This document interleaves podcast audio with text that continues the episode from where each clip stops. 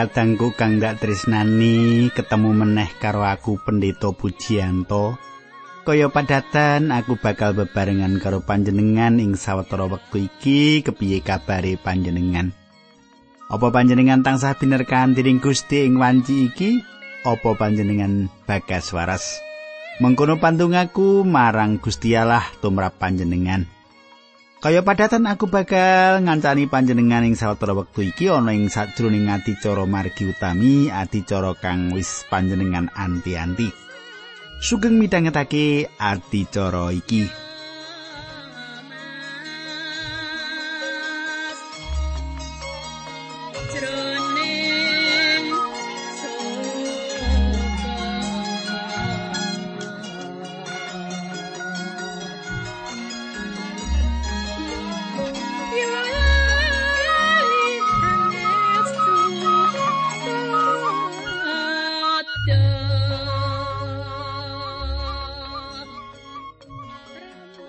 Kadangku tak suwun panjenengan isi kelingan apa sing tak aturake ing patemon kita kepungkur.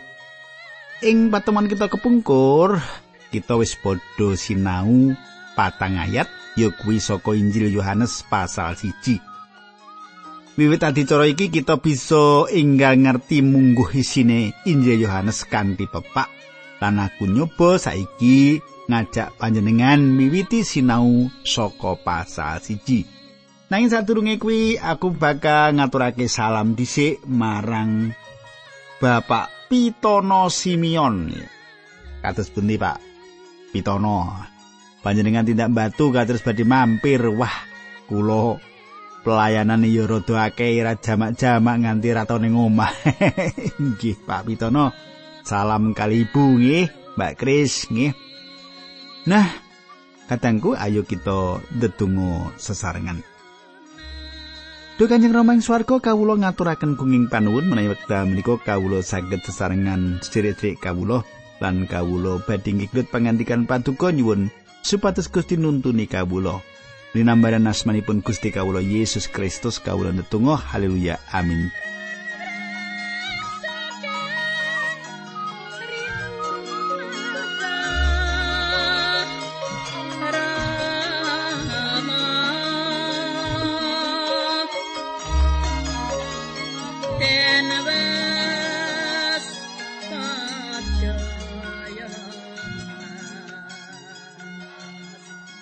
Katangku saiki panjenengan tak dherekake buka Injil Yohanan utawa Yohanes pasal siji.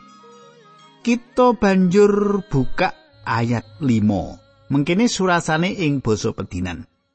Pepadang sumunar ana ing pepeteng lan pepeteng ora bisa ngalahake pepadang mau. Kadangku tembung ngalahake ing kene dijupuk saka basa Yunani basa asli perjanjian anyar.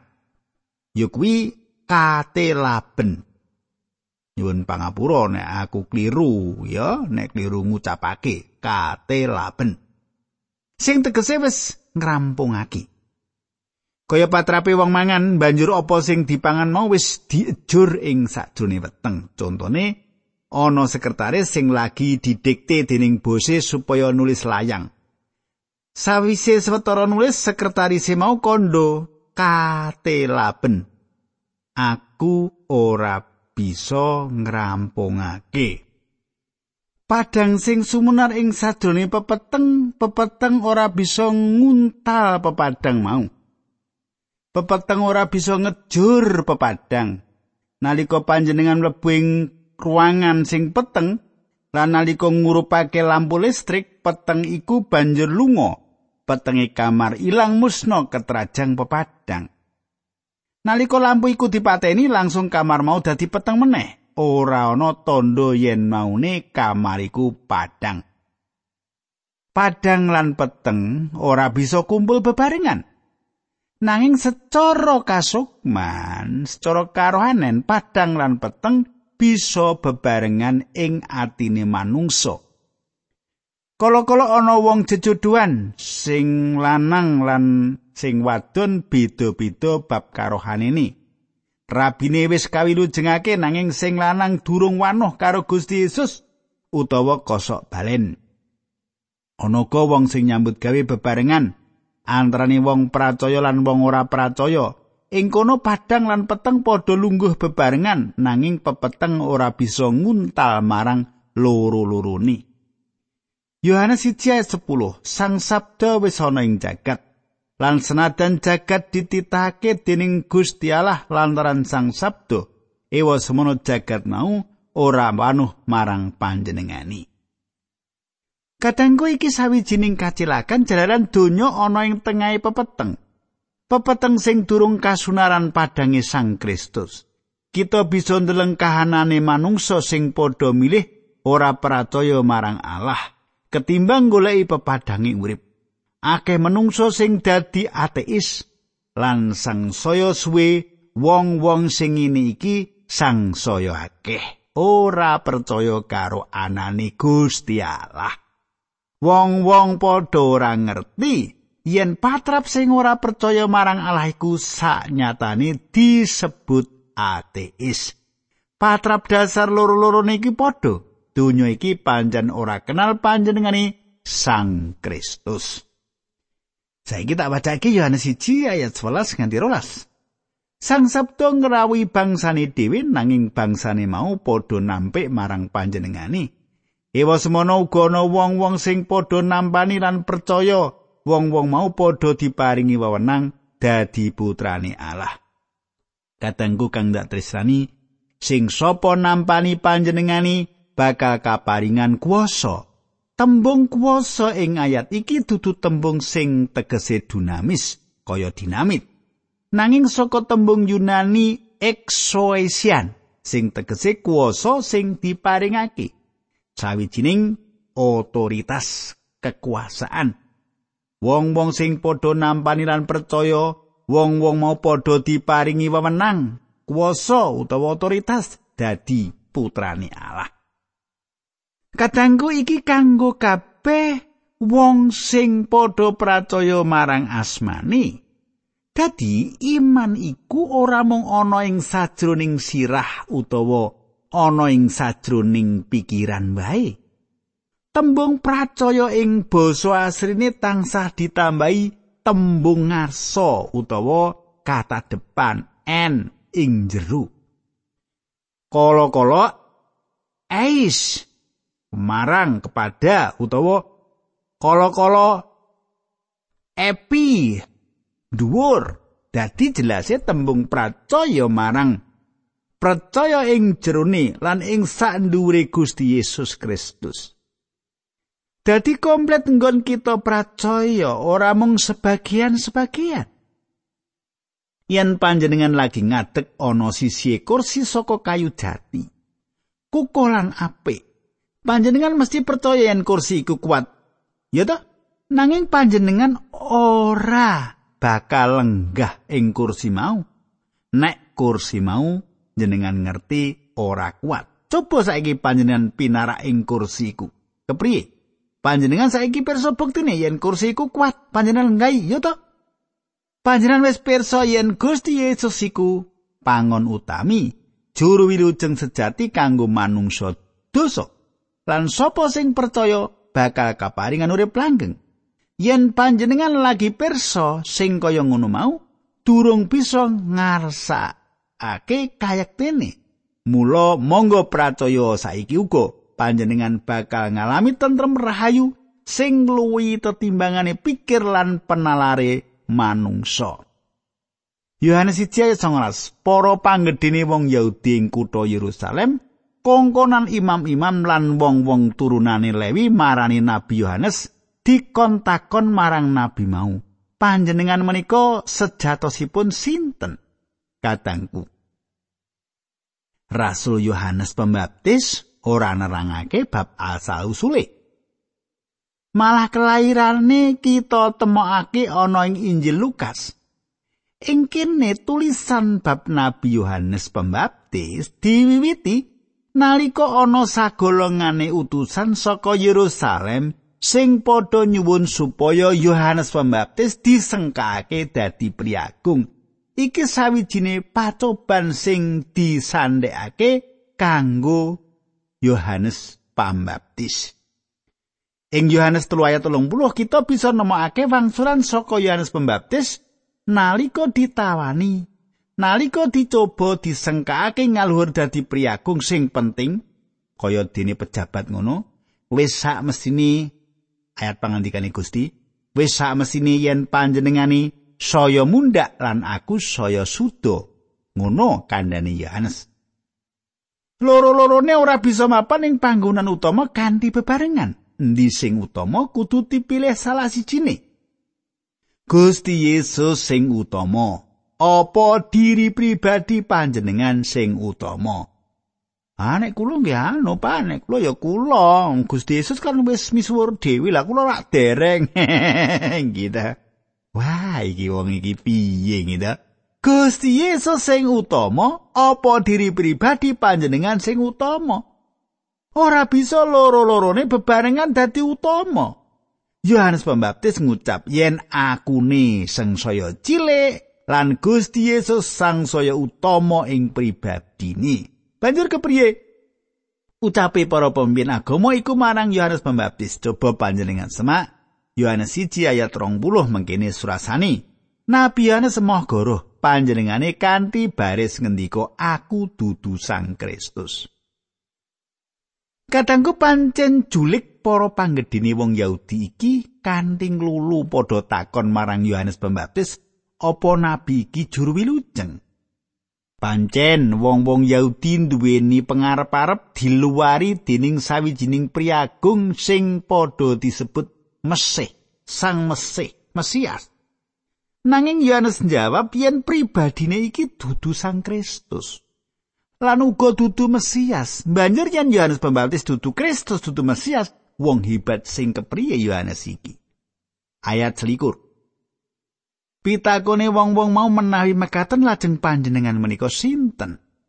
Menapa panjenengan menika Nabi Elia, wangsulane Nabi Yohanes dudu? Pitakone meneh. Menapa panjenengan menika sang nabi? Sang nabi tegese ing ngriki nabi ingkang kaweca badhe dhateng saderengipun Sang Mesias utawi Kristus. Panjenengan mirsani kitab Andaring Toret 18 ayat 15, nggih. Yohanes 16 ayat 14. Lajeng jawabanipun uga dudu mengkono wangsulane Nabi Yohanes. Menapa panjenengan menika sang nabi uga dudu Wong-wong mau uga madhake Yohanes Pembaptis karo nabi-nabi sing diwecake kaya dene ing andarane Torat 18 ayat 15 lan 18 nanging kabeh dijawab ora dening Yohanes Pembaptis. Yohanes 1 wong-wong mau padha pitakon meneh menawi mekaten panjenengan kersa bloko panjenengan menika sinten supados kula saged nerangaken dhateng tiang-tiang ingkang kengkenan kula ngriki. Sadeke wong-wong iki mau padha sewot lan setengah meksa ngene nakoni Yohanes Pembaptis panjenengan menika sinten? dipaksa ngono ya.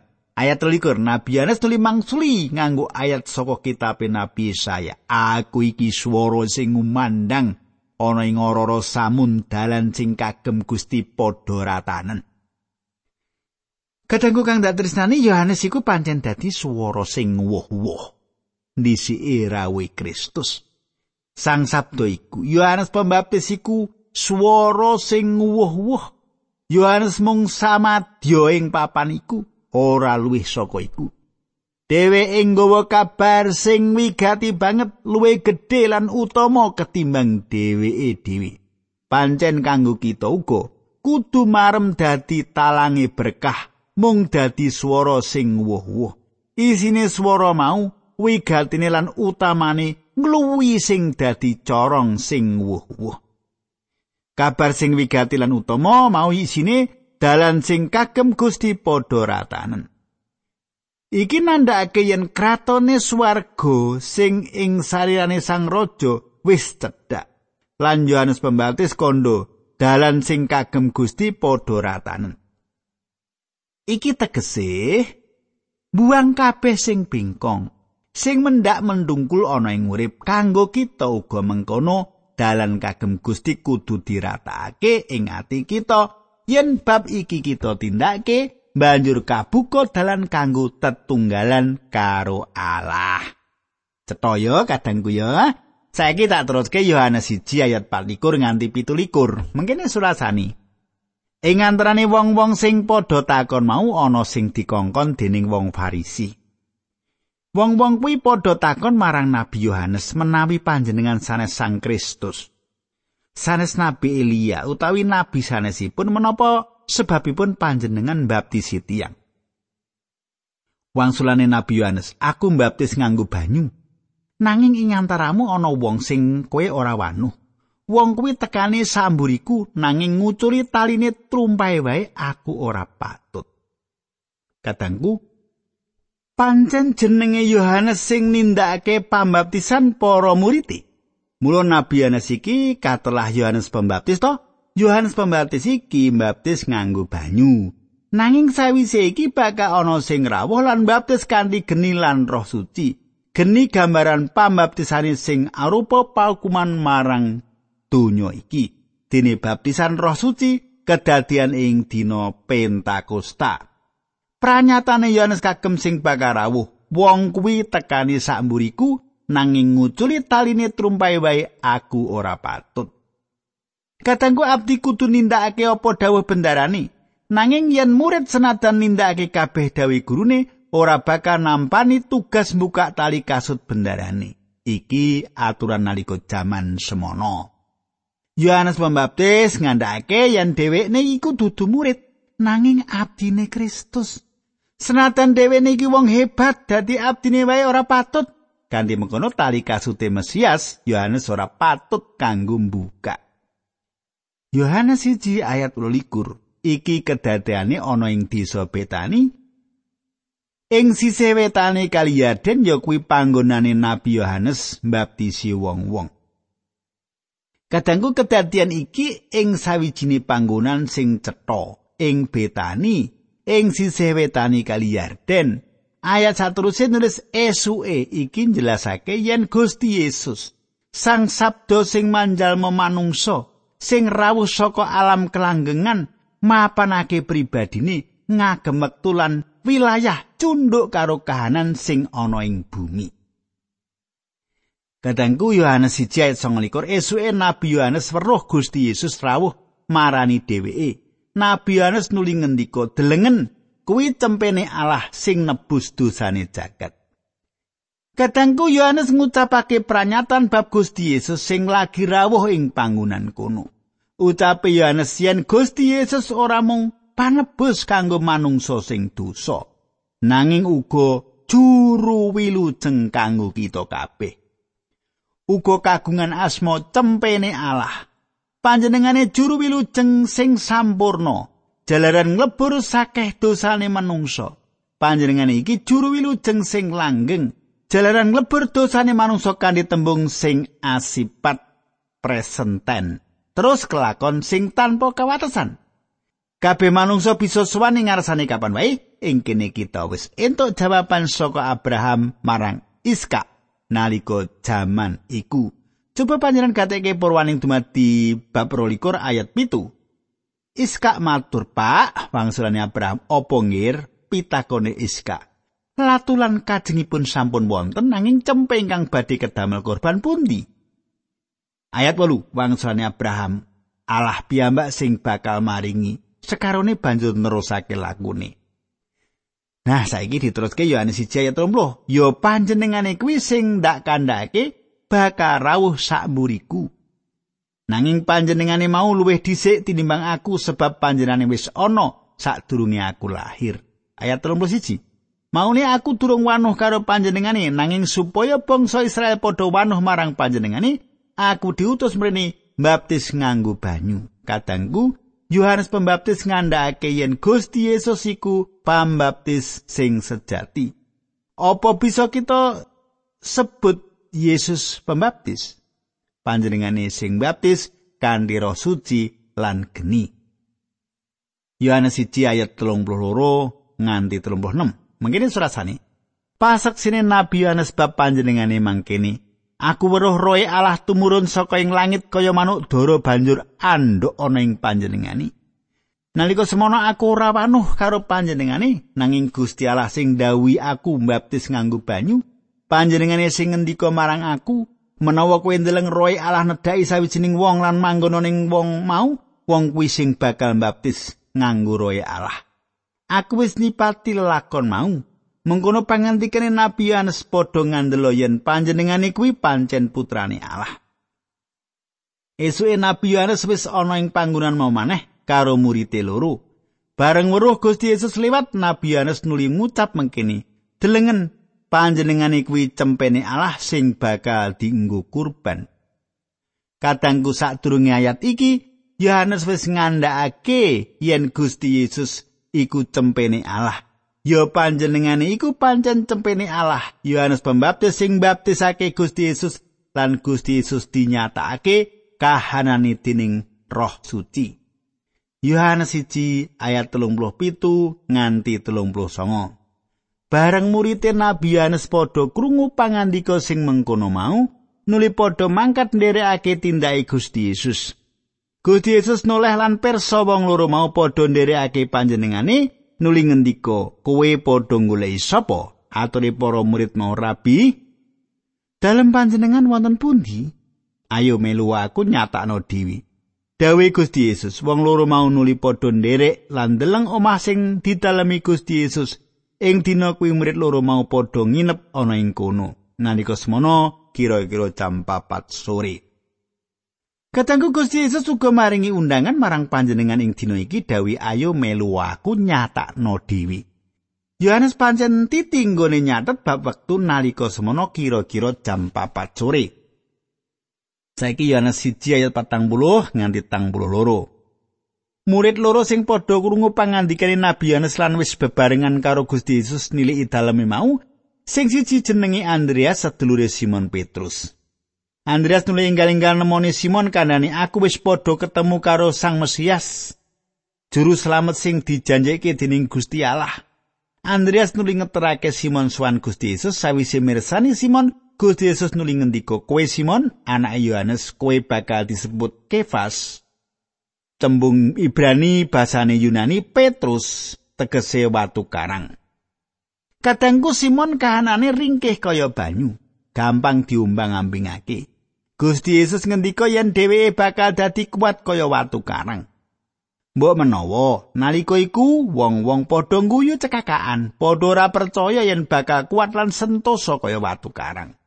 Lan Simon sing diarani ringkih mau sawise dadi kagungane Kristus dadi murid sing pengpengan sing sepisanan khotbah ing dina Pentakosta ana 3000 wong sing mertobat bab iki ditulis sing para rasul loro ayat 40 nganti 41 Yohanes 1 ayat 43 nganti 44 Esuke Gusti Yesus ngersakake tindak menyang tanah Galilea ana ing kono ketemu karo Filipus pangandikane Gusti Yesus marang Filipus meluwo aku Filipus asale saka kutha Betsaida, ya kuwi kutha asale Andreas lan Petrus.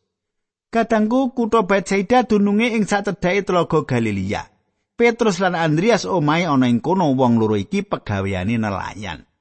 Yohanes 1 ayat 45 nganti 46 mangkene surasane. Sawise kuwi Filipus nuli goleki Natanael. Filipus kondo karo Natanael.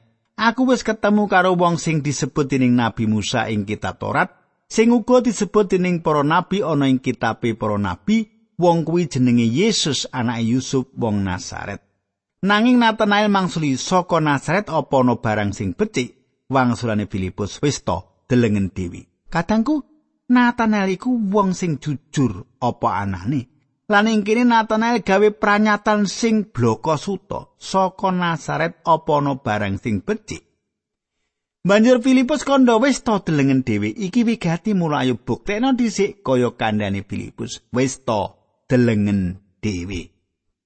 Yohanes 1 ayat 47 Gusti Yesus pirsa Natanael suwane ngarsane banjur ngendika iki wong Israel sejati wong sing jujur. Natanael wonge bloko suto ora ana ati sing apus-apus sing uripe iki watak asli bangsa Israel ora duweni watak Yakub sing seneng ngapusi. Semene dhisik aturku ayo kita ndedonga. Duh Kanjeng Rama ing swarga, kawula ngaturaken gunging panuwun ing wekdal menika kawula saged sinau kayektosan saking paduka. Dinambaran asmanipun Gusti Yesus Kristus kawula pasrahaken sedherek kawula menika wonten ing asta paduka. Haleluya. Amin.